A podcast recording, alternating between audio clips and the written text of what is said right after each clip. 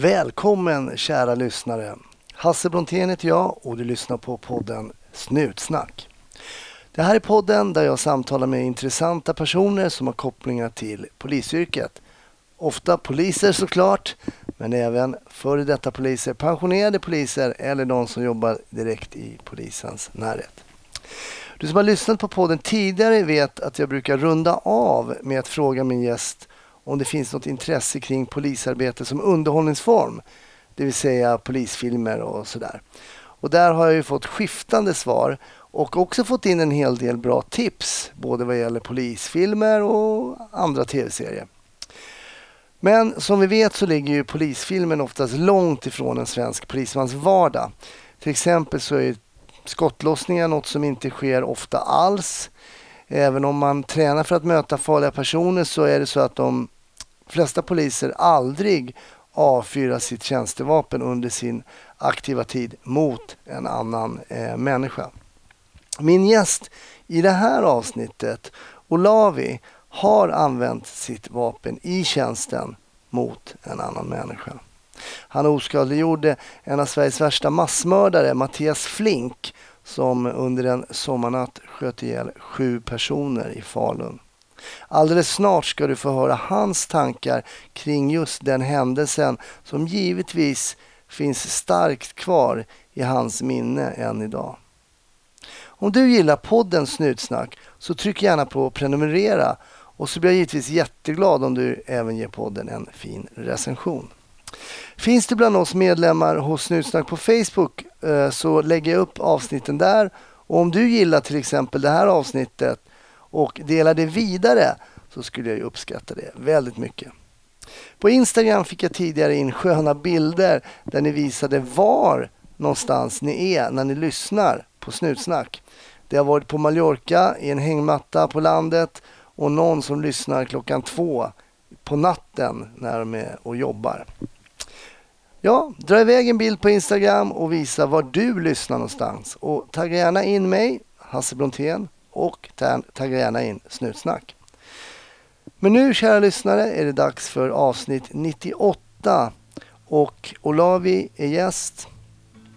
Var försiktiga där ute och ha en riktigt trevlig lyssning. 1310 1070 kom. 1310 Odengatan kom. Ja, det är uppfattat. Vi tar det. Slut. Bra. Klart slut. Varmt välkommen till Snutsnack Olavi. Tack så mycket. Ja, det är väl nästan jag som ska tacka. Jag blev ju hembjuden eh, till ditt hem här eh, i Falun sitter vi just nu. Eh, där vi samtalar för jag har varit i Dalhalla här dagen innan. Du har jobbat som polis? Ja, nej, ja 30 år. 30 år jobbat som polis? Jag slutade för fem år sedan. Och nu jobbar jag på en, Lugnet gymnasiet. Ja som eh, idrottslärare på 50 procent och sedan så har jag vid nationell idrottsutbildning då, och i tyngdlyftning. Då. Mm. Så jag är tyngdlyftningsinstruktör där då, så jag har utbildning i, i det också, då, idrottsspecialisering. Hur kommer det sig att man efter 30 år i ett yrke känner att äh, men nu ska jag försöka göra någonting annat? Ja, det var så här att eh, på samma station här i Falun så eh, jobbade också Patrik eh, Kjellberg. Mm. Han var hockeyproffs i sju år eh, och eh, han är OS-mästare från Lillehammer. Och sedan så har han ju också jobbat på, eh, på NI, Nationella insatsstyrkan. Mm. Och eh, han dök på mig en dag i korridoren och frågade om vi skulle Ska vi starta ett eh, hockeygymnasium? För det fanns inte här på den kommunala gymnasienivån. Då. Medan ni båda två jobbade som polis? Ja, precis. eh, och eh, Ja, det gör vi. det var din spontana tanke? ja, precis. Det var min spontana tanke. Eh, så vi tog kontakt med eh, gymnasiechefen och så utvecklade det sig att de också blev då tända på den här idén och eh, vi fick 50 procent tjänst var. Och jag ville gärna fortsätta på polisen också då på 50 procent. Mm. Men eh, ledningen släppte inte till det. Och inte provande av en annan tjänst heller. Okay. Ja, precis. Så att, eh, ja, det slutade med att vi sa upp oss helt enkelt. Blev det något hockeygymnasium? Ja, eh, det blev det. Ett år. Mm. Men så blev det, blev det konkurrens. Så var det i konkurrens med ett annat hockeygymnasium här i, i Falun. Då. Mhm. Eh, och sen var det diverse saker som hände eh, som eh, gjorde att, eh, vi var tvungna, att skolan var tvungen att lägga ner hockeygymnasiet för eh, det andra gymnasiet och det lokala ishockeyföreningen sitter väldigt tajt ihop. Okej. Ja, så det var svårt att få plats i de här lagen så att säga. Då. Mm. Men då blir det ju, om jag räknar rätt, ungefär 35 år sedan du gick in på polisskolan. Ja. Hur kommer det sig att du eh, tänkte tanken att polisyrket, det skulle vara någonting för mig? ja, det började på gymnasiet. Eh, gick i Ludvika. Det var en kille som hade sin plan klar. Jag ska bli polis. Mm, ja, det skulle kunna vara något, tänkte jag. Eh, och eh, sedan då när jag eh, 1980, vad var det, 84 då eh, bodde jag i Avesta och eh, jag blev eh, arbetslös. Hade jobbat på ett sågverk och jag tränade jättemycket inför OS då, 1984 i tyngdlyftning. Just. Eh, Så då bodde jag granne med polishuset. så tänkte jag just här, men det här med polis. Ja, äh, men jag går in på polishuset och frågar hur man gör. Ja, just. Du gick Ja. in på polisstationen. Ja, precis. Och så ansökningsblanketter och fyllde i det där. Och sen blev jag kallad till intervju på polishuset. Och satt det två äldre poliser och intervjuade mig. Och sen Mm. fick jag skriva en, en liten levnadsberättelse om vad jag ville. Eh, och eh, sedan så blev jag då kallad till Örebro för fystester och svenska prov och sådana här saker. Styrkan var det inga problem med då eller? Nej. Ja, jag tror jag har berättat i den här podden tidigare att när jag kom till polishögskolan så klarade inte jag provet. Det var 60 kilo i bänkpress. Ja, ja. Ja, den bommade jag. Ja, ja. Men eh, jag tränade upp mig rätt fort då. Men Ja. eh, jag kan tänka mig att du klarade 60 kilo i bänkpress. ja då, det, det, gick, det gick bra. Och sen eh, dag, veckan innan eh, vi skulle på OS då i Los Angeles så fick jag besked om att jag skulle vara antagen till Ah, okej. PHS med start eh, 7 januari 1985. Just det. Hur gick det på OS? Ja, det gick inte så bra. Jag bommade ut mig. Och vad, vad Så. innebär det då när du säger att du Jag fick, ut? jag fick inga stötar godkända så jag missade tre överstötar. Jag vände vikten tre gånger men missade överstöten. Man, du fick inte upp den sista biten så att Mm, säga. precis. Hade du eh, överskattat din förmåga? Ja, det, det var lite jetlag och sådana där saker. Och, mm, som man behöver ha lite mer erfarenhet. Och, Men vad häftigt. sen, var det, och- sen, var det ju, sen var man ju lite nervös också. Det var, man ju, ja. var ditt, det var ditt första OS då? ja, det var mitt första och enda. Och ända. Häftigt ändå att kunna få vara med och delta i ett OS. Ja, det var det. Det var en häftig upplevelse.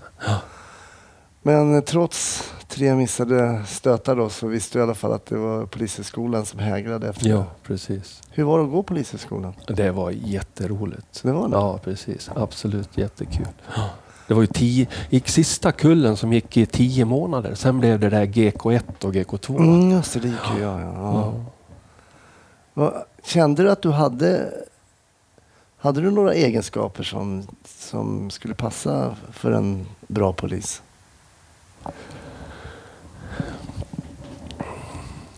Jag har ju lärt mig genom idrotten att kunna vara fokuserad Mm. och eh, ihärdig när det gäller då träning och ha tålamod. Mm. Eh, och eh, sedan också då eh, eh, såg jag det som en bra egenskap att jag eh, hade ju, jag har ju brottats när jag var ung och jag var fysisk, jag var fysiskt stark så att säga. Mm. Ja. Så jag kände mig väldigt lugn och trygg med den biten.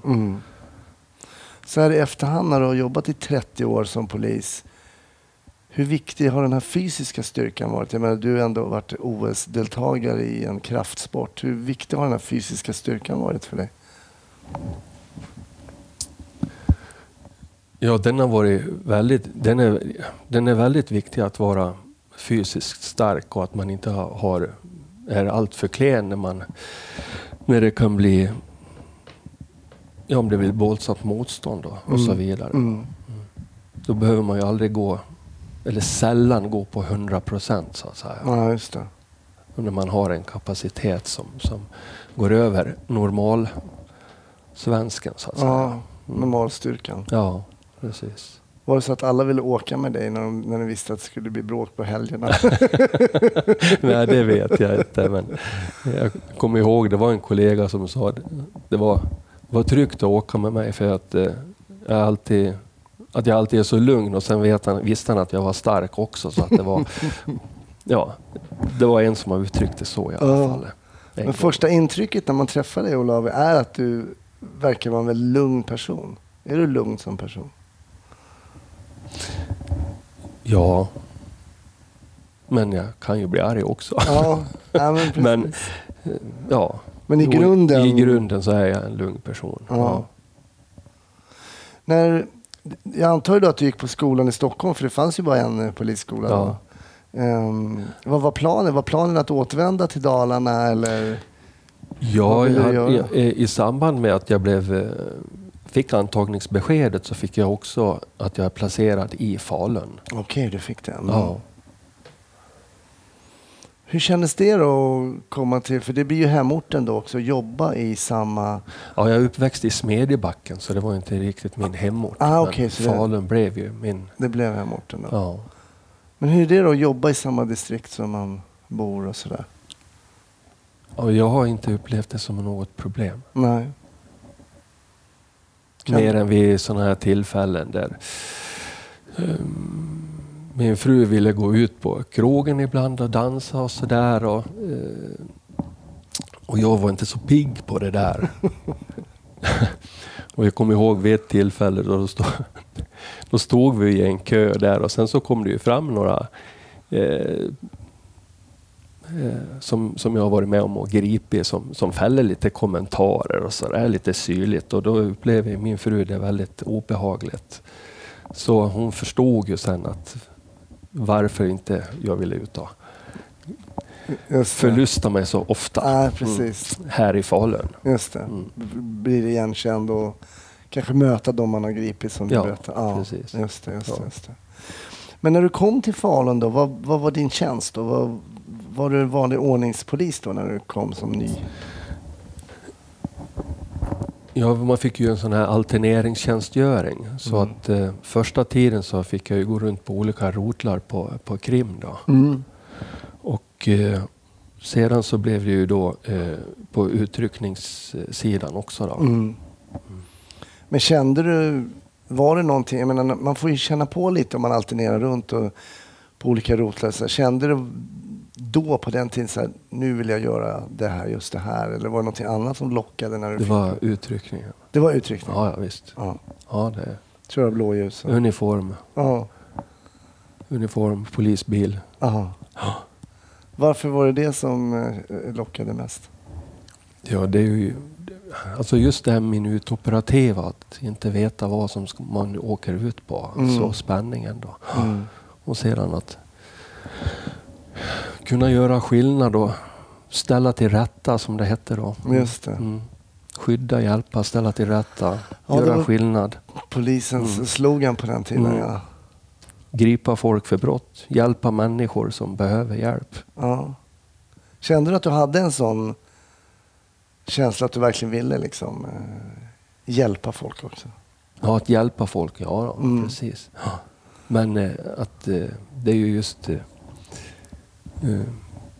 brottslingar man vill ha tag i. Mm. Nej, men, Man, nej, men så kände väl jag också. Man vill fånga bovar. Mm, precis. Eh, och det är väl, tror jag, en ganska naturlig känsla när man kommer ut som polis. Att, Mm. Och bra om man känner så. Mm. Så då jobbade du på ordningen i Falun då? Eh, efter du var färdig och så snurrade runt här och, och, och gjorde de klassiska ordningspolisjobb då som ju kan vara väldigt ja, varierande. Ja, precis. Sen vet jag att det händer någonting eh, i ditt polisiära liv som ganska sällan inträffar eh, poliser. Som, trots att de har jobbat ute länge så, så använder man sällan sitt tjänstevapen Ja. som polis. En del har dragit sitt vapen, en del har varit beredda att dra det, en del har mantlat, kanske riktat mot någon. Men det är inte så många som har avfyrat sitt vapen. Men det händer någonting i, i Falun 1994. Vad är det för någonting? Har du lust att berätta vad det, vad det var för pass du jobbade? ja, det var ett pass som jag betalade tillbaka. Vi hade bytt eh, några månader tidigare. Så att det var ett eh, sånt här payback-pass. Mm. Du bytte med en kollega helt enkelt? Ja, att jag precis. kan inte ja, då, kan du? Ja, precis. Ah, okej. Och eh, eh, skulle jobba 18.03, en förstärkningspass då, fredag mot lördag. Det var den 10 juni. Och eh, jag åker i, i en, eh, en piketbuss, eller en buss då, Mm. första tiden fram till 22.00 då. Mm. Eh, och vi var, eh, vi var flera stycken i den där eh, piketbussen. Eh, och sedan vid 22 så eh, blev min kollega Bernt Bergström som åkte i civilbil då, Mm. eh, ensam i den bilen. Så det bestämdes att jag skulle byta om till civila kläder och åka eh, civilt med Bernt. Okej, så du byter från bussen till Mm. åka med Bernt? Precis. Och, eh, det var en del folk på stan. Och, eh, det hände, men det hände ingenting som kom till vår kännedom som, som eh, behövde åtgärdas utav oss eller någon anmälan eller någonting. Och Bernt han skulle sluta vid eh, 02 så vi åkte in eh, en, bit, en tid före där då, rustade av och hade ställt ner bilen i garaget och satt i vårt uppehållsrum. Och, eh, så kommer vårt vakthavande befäl in och säger att det är ett, ett, eh, ett sällskap ute i Ljusgården, det är receptionen, Mm eh, som vill göra en anmälan. Ni kan gå dit och titta vad det, höra vad det är för någonting. Så det var ett sällskap på en fyra, fem personer eh, och eh, lit, in, lite salongsberusade. Mm. Men eh, det var svårt att få lite grepp på vad det här handlade om egentligen. Då. Okej. Men eh, en, var en kvinna då som, som berättade att eh, hon hade blivit eh, trakasserad eller, eh, utav sin eh, pojkvän eh, och att han hade också eh, misshandlat andra män på, på stan. Okej. Eh, hon hade varit ute och firat sin sjuksköterskeexamen. Och eh, de här andra eh, verifierade det hon sa och att även eh, han hade betett sig konstigt dagarna före också. Då. Mm. Och så till slut så får vi ihop en, en, en berättelse och får en tämligen klar bild över en, att en person som är i eh, lite psykisk obalans just nu den här Mm. kvällen. Då. Sen kommer vårt vakthavande befäl ut till, till receptionen och säger så här att nu får ni avbryta det här för det är skottlossning uppe vid Stadsparken och vi vet att minst fem människor är redan döda. Oj. Det är den informationen ni får på plats då? Ja, precis. Och eh, den här kvinnan som, som, hade gjort den, som gjorde den här anmälan bara skriker rätt ut att det är han, det är han. Mm. Och den som hon då menade på är eh, alltså då Mattias Flink. Då. Mm. Eh, Bernt tar hand om det här sällskapet. De vi, han visar upp dem högst upp i vårt polishus där vi har en kafeteria. Okej. För vi ville ju inte släppa ut dem på stan för att om det är någon i Stadsparken, det är ju direkt anslutning till stan. Eh, så de fick vara kvar inne i polishuset. Och jag går iväg för att hämta då förstärkningsvapen.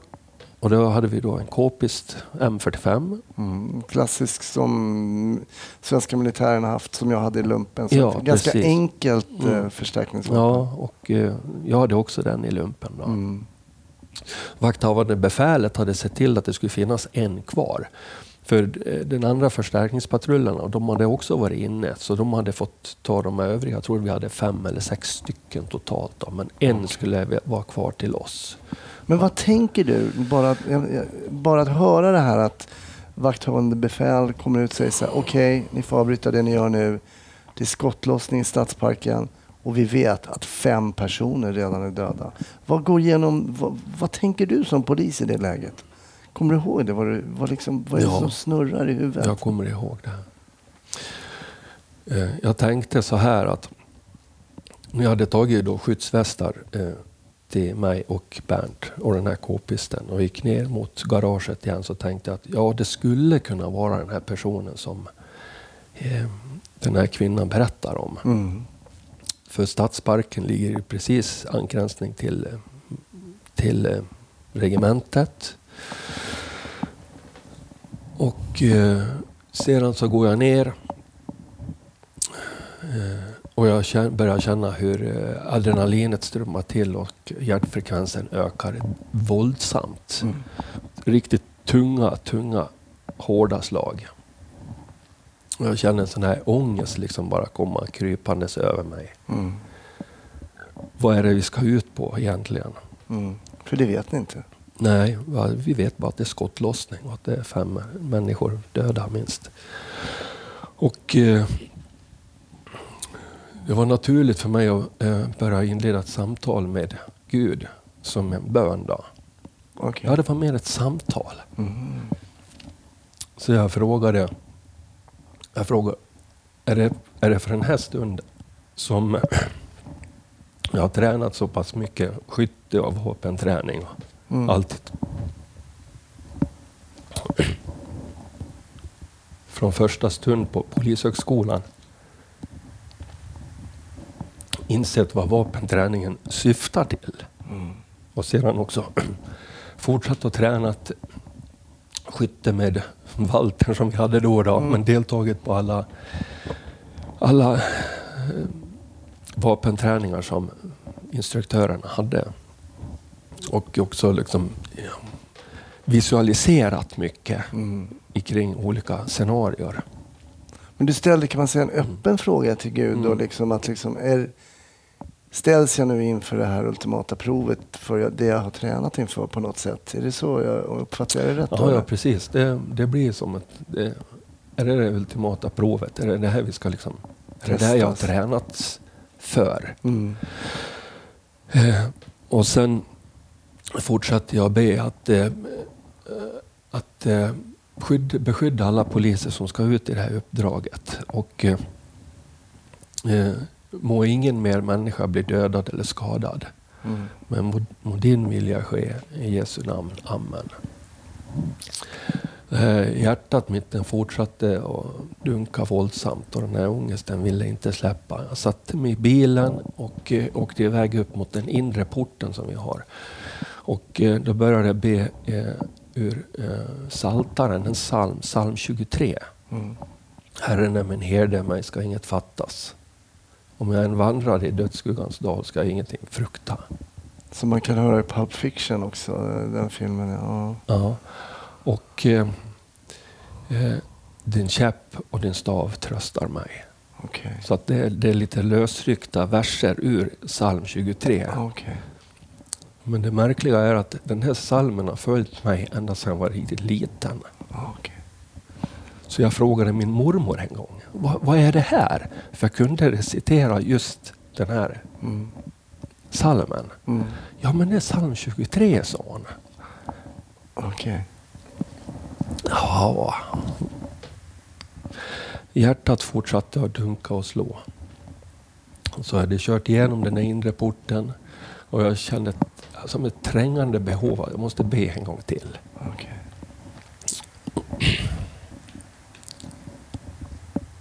Och då bad jag mycket enkelt bara. Herre, i dina händer lägger jag mitt liv. Använd mig som ditt redskap. Amen. Och det är den sista bönen innan den sista. du åkte ut mot Stadsparken? Precis. Och Och då fylls jag bara utav en så enorm frid. Sänks din hjärtrytm och den här ångesten, vad händer med den då? Bokstavligen, hjärtrytmen bara sjönk. Från det där 140-150 till den här hårda, våldsamma adrenalinslag ner Mm. till... Jag är ju rätt så van att kunna bedöma min hjärtfrekvens genom Ja. all den träning, fysiska träning som jag har genomfört. Så Mm. jag, jag gjorde bara en notering som att ja, men den sjönk ner till runt en 110 ungefär. Mm. Där, men inte alls så hårda och så våldsamma. Jag fylldes av en frid och den här ångesten jag hade känt bara, liksom bara rann av mig. Och sen också ett bönesvar att du kommer att få möta den som har gjort det här. Du fick det som ett svar? Jag fick alltså? det som ett svar. Hörde du det? Alltså fick du det? Ja, det, det, Eller liksom, det man, förnim, man förnimmer det liksom i varenda cell i hela kroppen. Okej. Det är svårt att förklara på Ja, annat sätt. ja, jag förstår. Men jag visste då när jag åkte ut att jag kommer få möta den här personen. Okej. Men jag hade... Men Blev du rädd då? När du... Nej, nej. Nej, inte nå. Och jag tänkte så här då. Ja, även om jag kanske för kommer att dö snart så är jag i trygga händer. Okej. Så du kände nu att, om jag uppfattade det rätt, att du ändå hade fått svar från Gud då, här, i och med, att, med de här samtalen och de här bönerna? Och resultatet blev då att du blev trygg, kände frid. Ja, precis. Det är klart, man, det är en sån polis man vill ha som kommer ut i stadsparken då med en puls som inte är upp mot en 150 utan kanske mer mot 100-110. Men vet du vilken uppgift du har i det här läget egentligen rent polisiärt? Uppgiften är ju att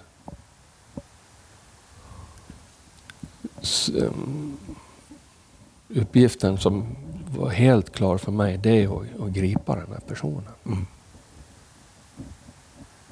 Det är det.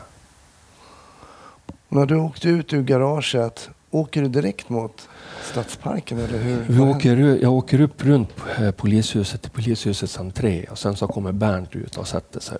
Mm på bisittarplatsen och frågar vad hans kompis är. Ja, det var bara, fanns bara en och den är jag. och så eh, åker vi i, ut in mot centrum. Då. Polisstationen ligger precis bredvid centrum. Det är som centrum. Eh, och sen så åker vi över en bro till Faluån. Då. Så frågar Bernt mig om, har du höjt beredskapen på jag hade, jag hade precis året innan fått Sig Sauer 225. Då. Mm. Nej, ja men gör det sa han. kanske ska berätta för lyssnarna som inte är Ja. poliser att det här vapnet Sig Sauer, när man höjde beredskapen så innebar det alltså att man la upp en kula i loppet. Ja, Slackade hanen va, så att, men ändå låg beredd för att bara avfyras. precis. Ja. Så jag körde ju bilen, kröp fram 5 kilometer i timmen ungefär. Knep ihop ratten mellan knäna och tog fram Sig Sauern. Mantlade i en kula, höll pistolen framför mig och ser att hanen är spänd. Och så frågar jag Bernt så här. Du, hur slackar man hanen på en sån här? Och jag tittar på min hand och den skakar lite grann. Okej. Så den här friden som jag kände, liksom, den fanns ju fortfarande, men det finns ju ett adrenalinpåslag. Mm, tror jag det. Ja, precis. Och eh, regeln som man spänner av hanen med, avspänningsregeln, det är liksom, eh, hur gör man? ja, det är, den, det är den där på sidan där. Det, är liksom, det, det är lite, alltså mitt i det här så blir det där liksom lite komiskt och sen när jag själv har jobbat som vapeninstruktör och, Ja. och Men hur länge så- hade du haft det här nya vapnet? Ja, ett, ett, ett år. Ja. Ja, precis. Så kanske inte ändå hade hunnit sätta sig Nej. 100 procent den här slacka. Precis. För den sitter ju då, för er som inte vet hur det här vapnet ser ut, så sitter den ungefär där tummen finns då. Exakt. Så Ja. det är inte långt ifrån tummen. Nej, nej, nej. Så jag slackade, kände mig lite dum, hölstrade den och sen så in på Stora torget och där fanns det då sån här ambulerande korvkioskvagn och det stod lite folk där. Och vi berättade vad som hade hänt och eh, angav en riktning som de skulle gå åt. Alltså absolut inte upp mot eh, Stadsparken till. Mm. För vi visste ju inte nå var den här gärningsmannen befann sig någonstans. Oh.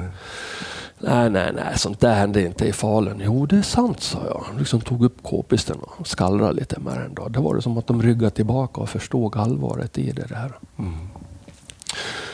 Uh, I ett hörn av sta, uh, Stora torget då, så, så, är det ett gäng killar på fem stycken. Och en han smäller ihop händerna och säger ja, skicka ner den till mig så ska jag ta hand om honom. Okay. Hans kompisar drog iväg med honom då åt rätt håll. Så, ja. så vi åkte vidare upp mot, upp mot Stadsparken. Eh, passerar också då ett bygge där det står en jättestor hög sån här byggkran. Där uppe har eh, han befunnit sig. Så att geografiskt sett så kanske vi var väldigt nära varandra vid de här tillfällena. Okay. Utan att vi visste om det. Mm. Så vi åker upp mot eh, lasarettet som är, ligger precis bredvid den här stadsparken. Då. Och eh, vi kommer till en, en eh, gata där korsningen med någonting som heter Vasagatan. Och tittar höger och tittar åt vänster. Eh, åt vänster så ser vi ett gäng ungdomar som springer. Och så vi funderar på varför springer de? Har liksom de sett någonting som Mm. kan vara som vi behöver veta? Men eh, det, det hade de inte utan de skrattade och verkade ha jätteroligt. Okej. De har inte upptäckt någonting hemskt överhuvudtaget. Mm. Hade vi åkt åt höger då hade vi åkt in i, i, i korsningen där två stycken eh, män var skjutna. Då. En, en väktare och en ung kille som var på väg till eh, den närbelägna macken för att lämna tillbaka någon videofilm. Visst. Var de skjutna till döds? Ja, de var skjutna till döds. Ja, det var de. Men de såg ni inte just då? Nej. Nej. Så vi åkte upp mot lasarettet och sen in bakom lasarettet och kom till en eh, öppning till den här stadsparken då, som är st stora furor, eh, skogsmiljö. Eh, och ja, ja, vi åker in där. och jag tänker så här också att kommer jag fram bakom ett träd nu, då dör vi. Mm. Du tänker så? Ja, precis. Och ändå åkte vi in där så att det var ju inte det mest taktiskt smarta. Eh, jag backade inte ut utan vi åkte rakt igenom då. Sakta. Ni hade ingen Spana. aning om var den här personen fanns någonstans? nej. Hade ni i det här läget sett de här två männen är skjutna till döds men de har ni inte upptäckt än. Men man har ju sagt då, vakthavande befäl att det finns fem stycken döda. Ser ni några kroppar som ligger någonstans Ja, här? vi, vi kommer fram då till eh, ett område, en gata som är mellan eh, regementet och eh, lasarettet då, och, och stadsparken. Och där är det upprättat då en, en brytpunkt. Mhm. Alltså det är samlat både poliser och eh, ambulanspersonal.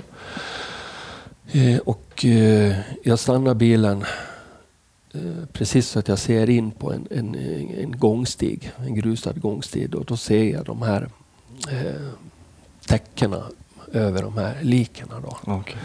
Eh, Min kollega Bernt var ute och tittade på, på det här och, och pratade med eh, eh, det utsatta insatsbefälet. Jag sitter kvar i bilen och funderar på hur sånt här kan hända en sån här vacker morgon för fåglarna liksom börjar kvittra också. Mm. Och så här. Mm. Eh, Bernt kommer tillbaka, vi börjar diskutera vad vi ska göra, om vi ska åka in till akuten för att börja identifiera döda. Men vi bestämmer oss för att vi ska ha tag i den som har gjort det här. Mm.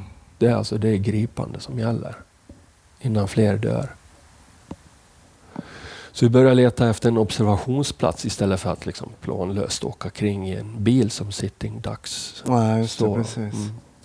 Så eh, det tredje stället som vi, vi stannar på, det bedömde vi på att det här, det här blir en bra observationsplats. Och då har vi en lång rak gata framför oss eh, en, eh, med björkar på sidan. Det är som en allé. Mhm. Den heter Promenaden, heter den där. Eh, och eh, bakom oss har vi järnvägsstationen. Vi har ungefär 400 meter eh, fri sikt. Eh, och vi vet då att eh, riktningen på de här dödade personerna och det är som att det går, har gått ner mot stan. Då. Okej. För de här flickorna var skjutna eh, lite högre upp i stadsparken och de här två männen i korsningen de var skjutna lite längre ner mot centrum. Så man kunde ana hur eh, den här gärningspersonen hade rört sig? Då. Ja, precis. Och eh, vår tanke då var att eh, eh, ofta så kan ju gärningspersoner gå tillbaka samma väg som de har kommit ifrån. Och skulle det nu då vara någon från det militära eh, så, så ligger ju regementet där uppe. Då. Och vi fick reda också då på att eh, kalibern som, på det här vapnet som, som har använts är kaliber 556. Och det är ju då AK5. Mm. Ett höghastighetsvapen. Ja, drygt 850 Mm. meter per sekund. Men med större verkan, en mycket större verkan än det vapnet som du själv då har? Ja, ja, mycket, mycket större verkan. Absolut. Helt... Reagerar du någonting på det när du får reda på det? Nej, Det är inte det? nej. Vi stannade bilen. Eh, Slog av motorn, vevade ner rutorna. Satt i bilen och bara tittade rakt fram på den här gatan. Det dröjer inte många minuter, kanske fem minuter. Så kommer en grönklädd eh, man i militära kläder alltså då. Mm. småjoggandes från, eh, från centrum på vänster sida då, över den här eh, gatan, promenaden. Då. Och han har ett gevärsliknande vapen i händerna. Och han går in på ett järnvägsspår som löper längs med den här gatan. Mm. Och avståndet är ungefär en 150 meter. Så eh, vi, vi tar oss ur bilen. Eh, jag då på förarsidan och eh, jag har en bra stöd med k-pisten mot motorhuven.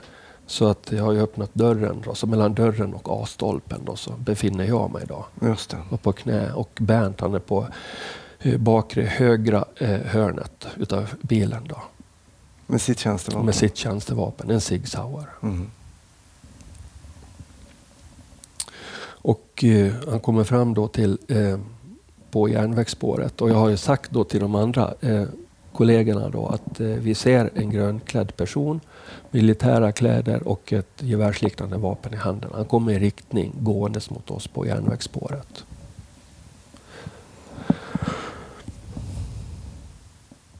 Och eh, sedan så när han kommer fram till eh, den andra, det andra, det, det är en järnvägsviadukt. Det går en gata under den där. Och där är det buskage. Och där försvinner han eh, ett ögonblick. Eh, från att liksom ha identifierat honom, att han går. Det, det blir liksom det är en framgång liksom bara att vi får syn på honom. Mm. Så upplever vi det. Och Bernt säger att ja, där är han. Han- Jag vet han har tänkt så. Mm. Hur pass bra kommunikation har du och Bernt? Vi hade inte så mycket verbal kommunikation. Ja, ni hade inte Nej, det? nej. Utan eh, Fokus var mot den här fokus, personen? ja precis. Hur mycket kände du där att det här borde vara den vi söker kontra det här är nog någon bara som är ute och promenerar? Ja, att han går då och då med ett gevärsliknande vapen. Ja. Och eh, sättet han går på avslöjar att han, alltså att han är militär. För han bär vapnet på ett, alltså i gående färdigställning. Ah, så här. okej. Ja, precis. Som en soldat? Som en soldat. Det är en soldat vi har framför oss.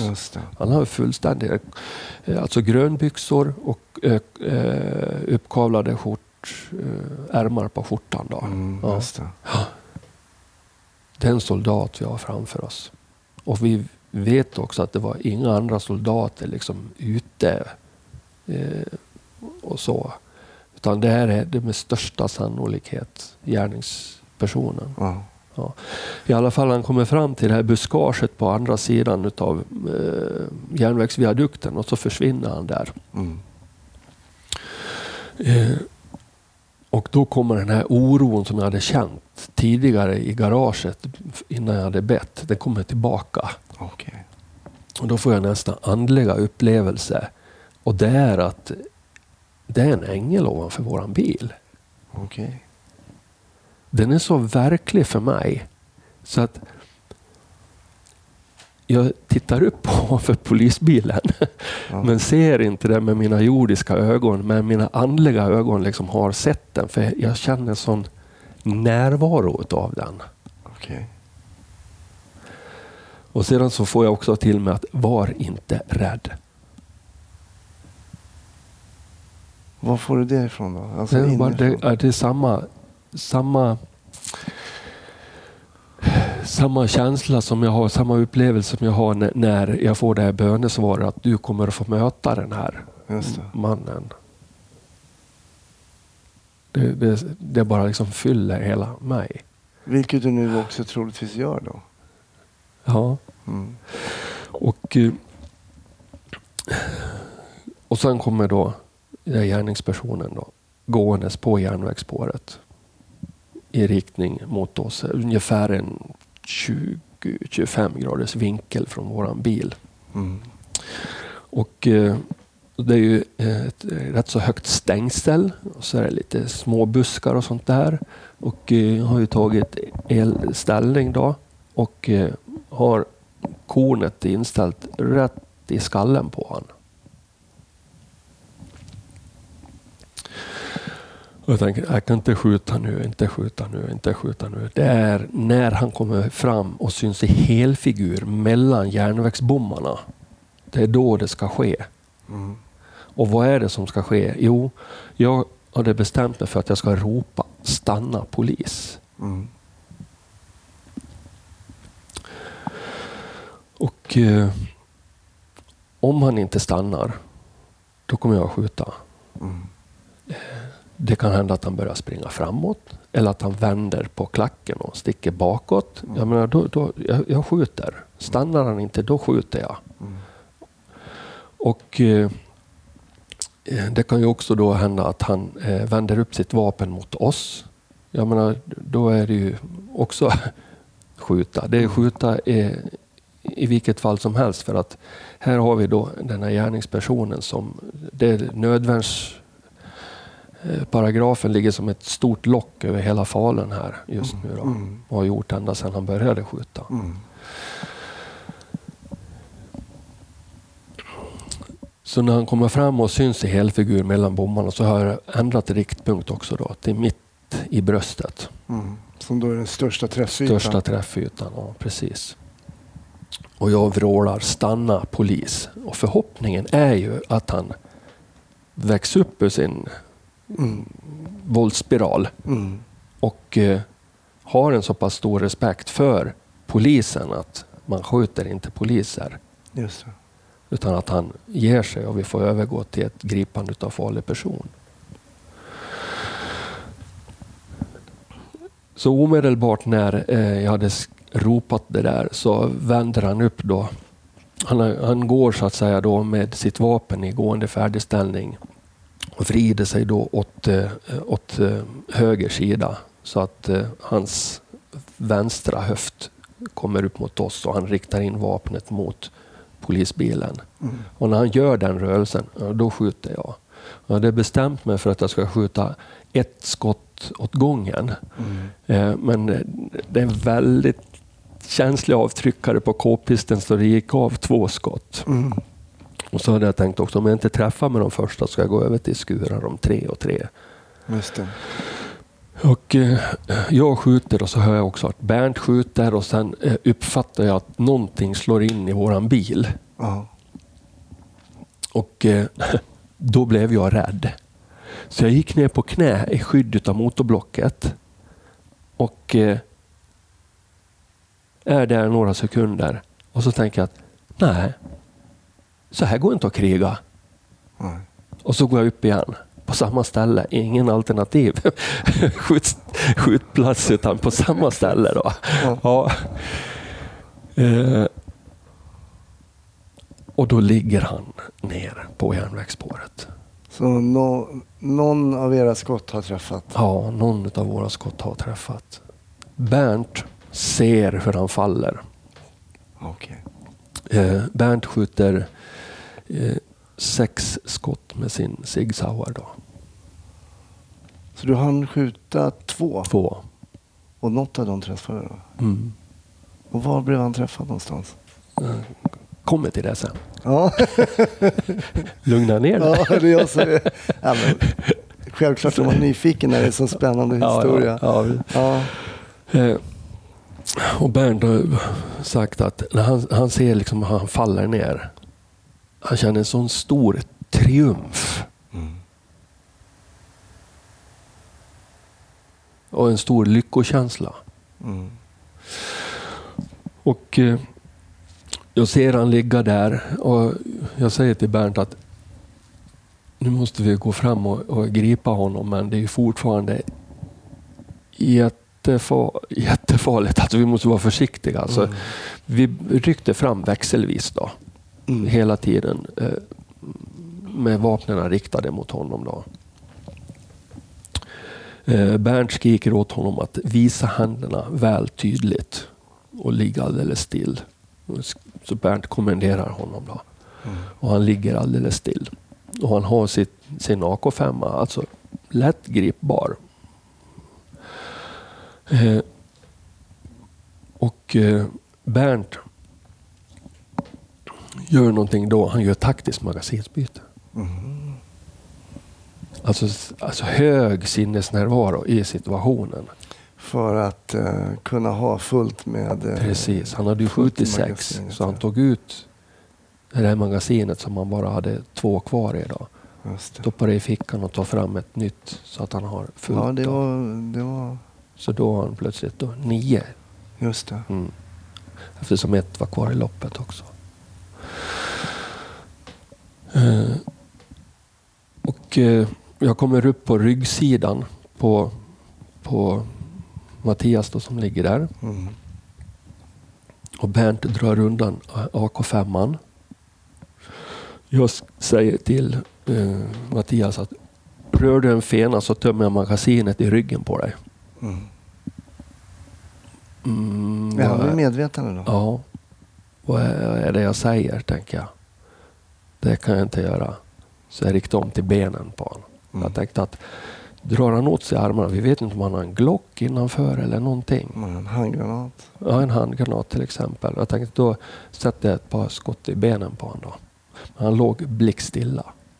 Bernt försökte eh, göra någon slags säkra det här vapnet. Han skulle, nu vet jag, han skulle ha låtit det vara helt och hållet. Mm.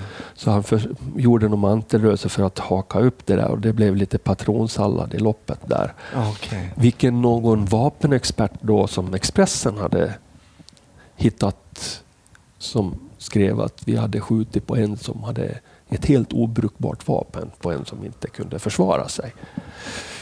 Ja, men med Ja, tanke på de precis. kropparna som låg i Ja, parken. precis. Och, Alltså hur man, hur man kan pub- publicera en sån artikel, vet du, det, det övergår mitt förstånd. mm.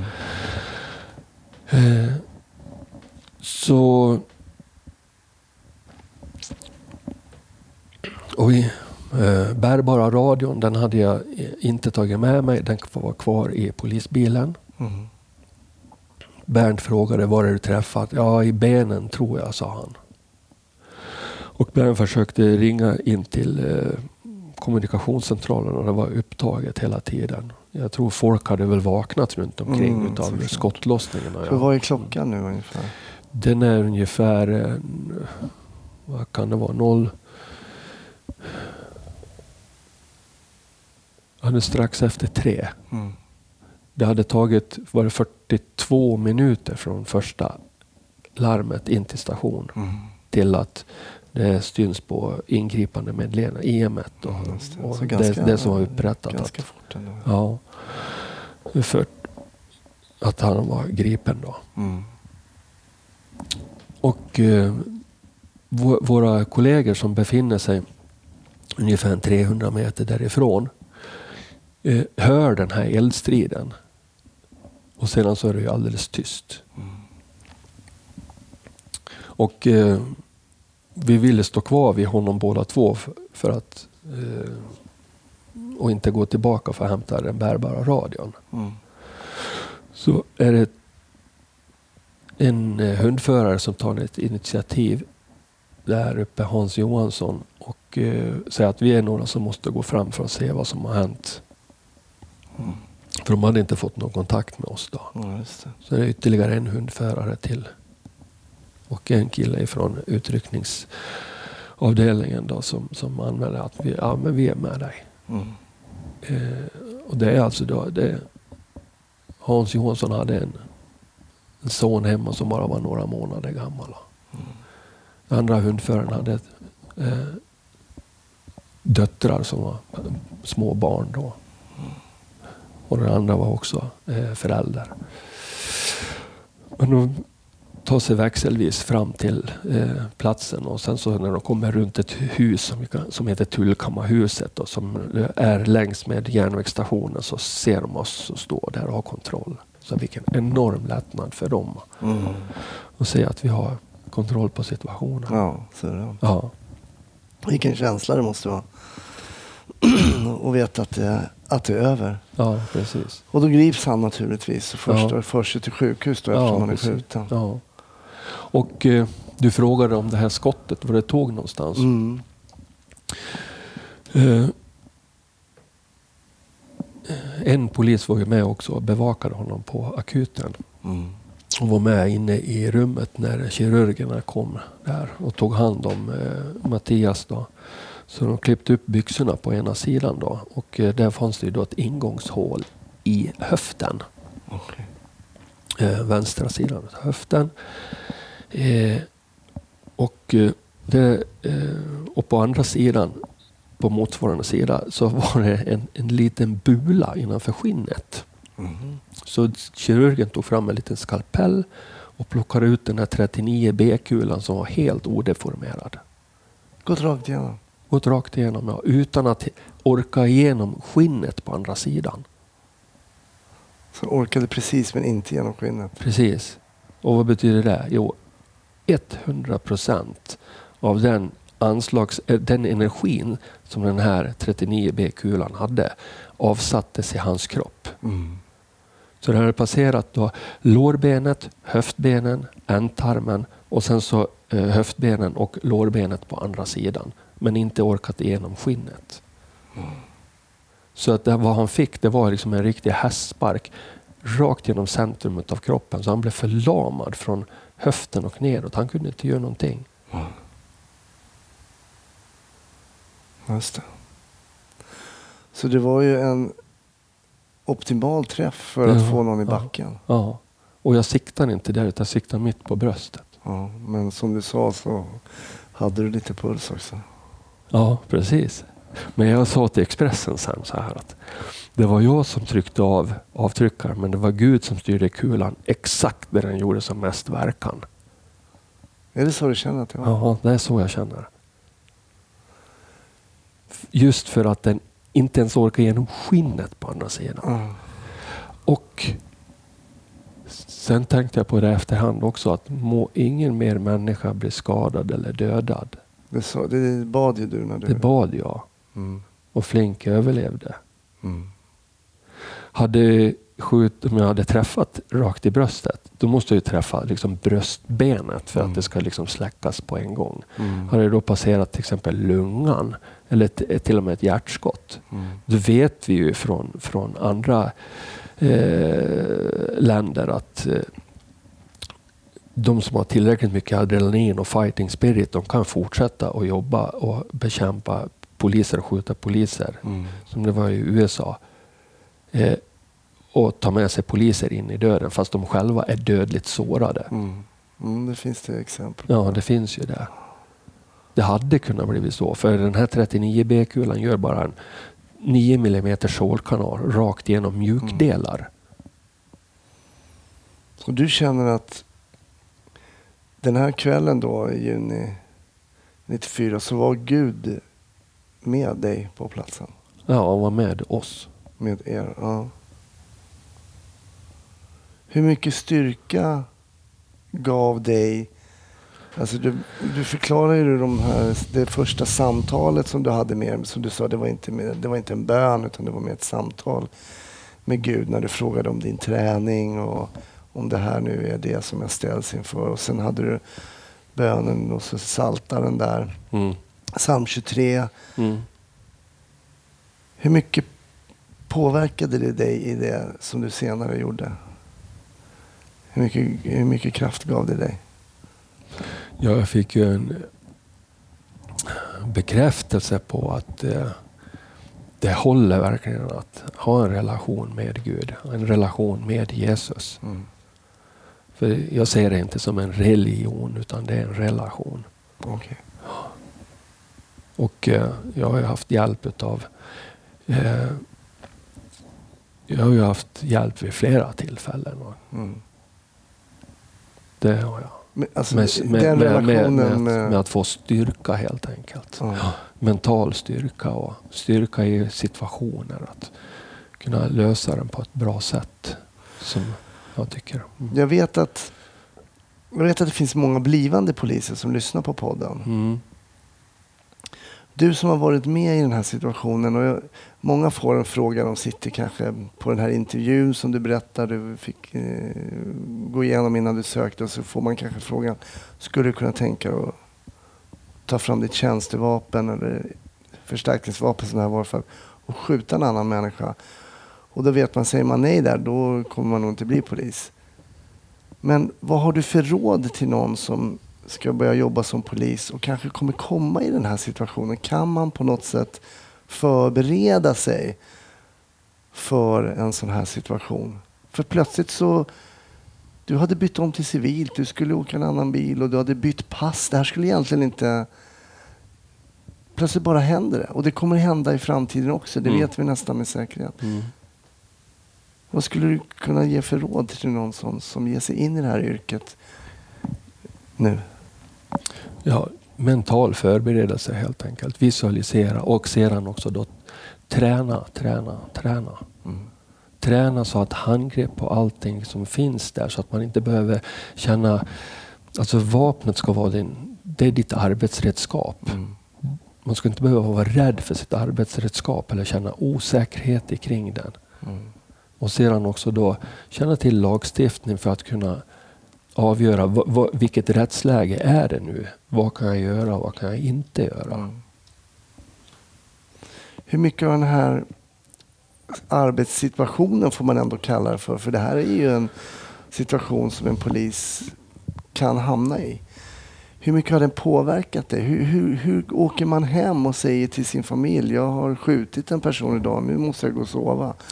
Men det går inte bara att släcka lampan. Nej. Nej, när jag blev hemskjutsad sen eh, så... Eh, min fru Ylva visste ju vad som hade hänt. Mm. Eh, för hon hade ju ringt till polisstationen när inte jag hade var, Hon hade vaknat då kände i sängen att det var tomt. Då, Mm. så, så hon ringde och frågade när jag, när jag skulle komma hem. Mm. Ja, då fick hon ju reda på vad som hade hänt och att jag är oskadad och att jag kommer hem snart. Eh, hon är ju en kvinna med båda fötterna på jorden också så det, det, ja, men det, det, det gick bra. Mm. Det var, det var lite värre med min mamma och, och min eh, far. Mm. Ja. Tyckte de att du hade valt fel yrke? Nej, nej. Det, det. De var väl lite rädda för till exempel hämnd och sådana här saker. Och Mm. såna.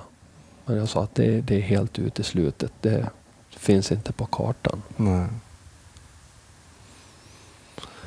Otroligt eh, intressant och väldigt, väldigt spännande och också spännande med den här relationen till Gud som inte alla poliser har. Alla poliser har inte den tron.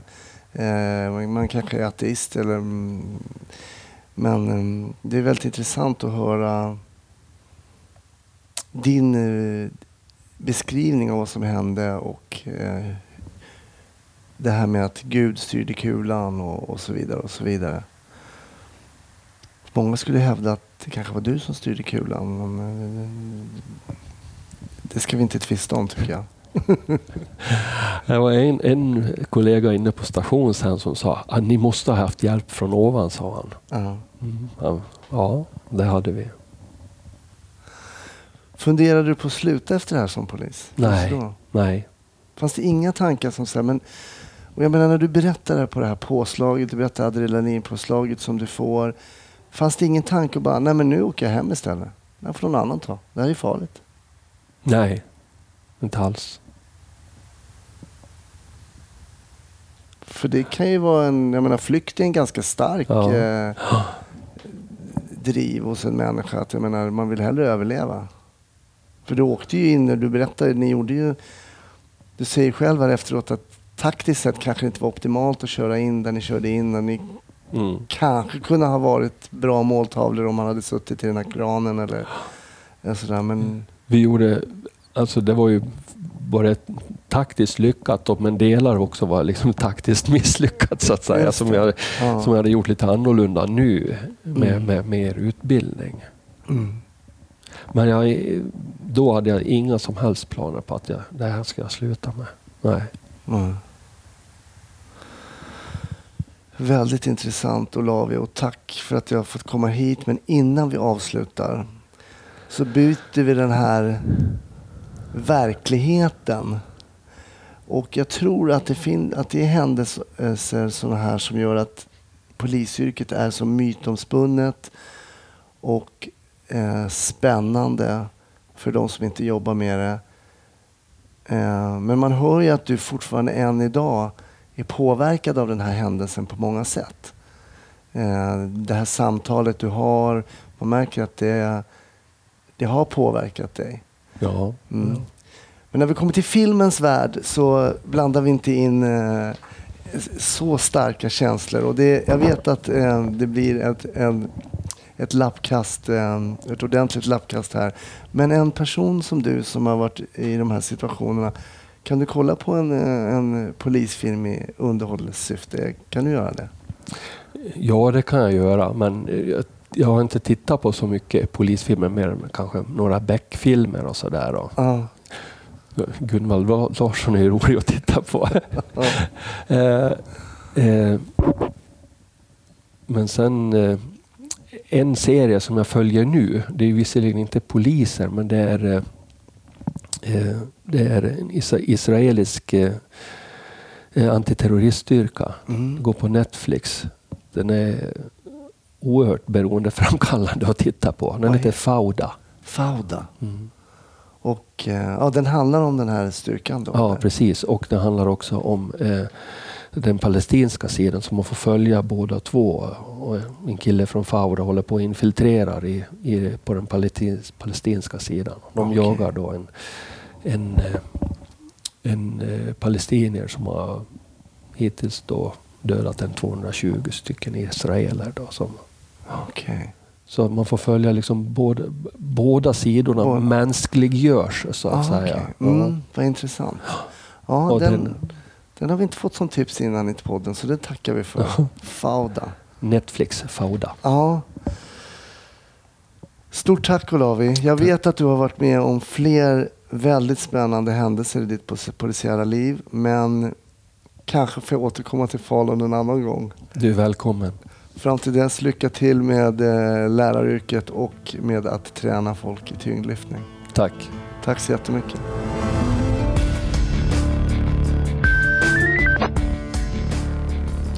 Tack! Ytterligare ett avsnitt är över av podden Snutsnack. Men det kommer ett nytt såklart nästa tisdag. Det är ju på tisdagar de kommer ut tidigt på morgonen så där kan man stå beredd i startgroparna. Ha en fantastisk vecka fram till nästa tisdag så hoppas jag att vi hörs då. Ha det fint. Hej!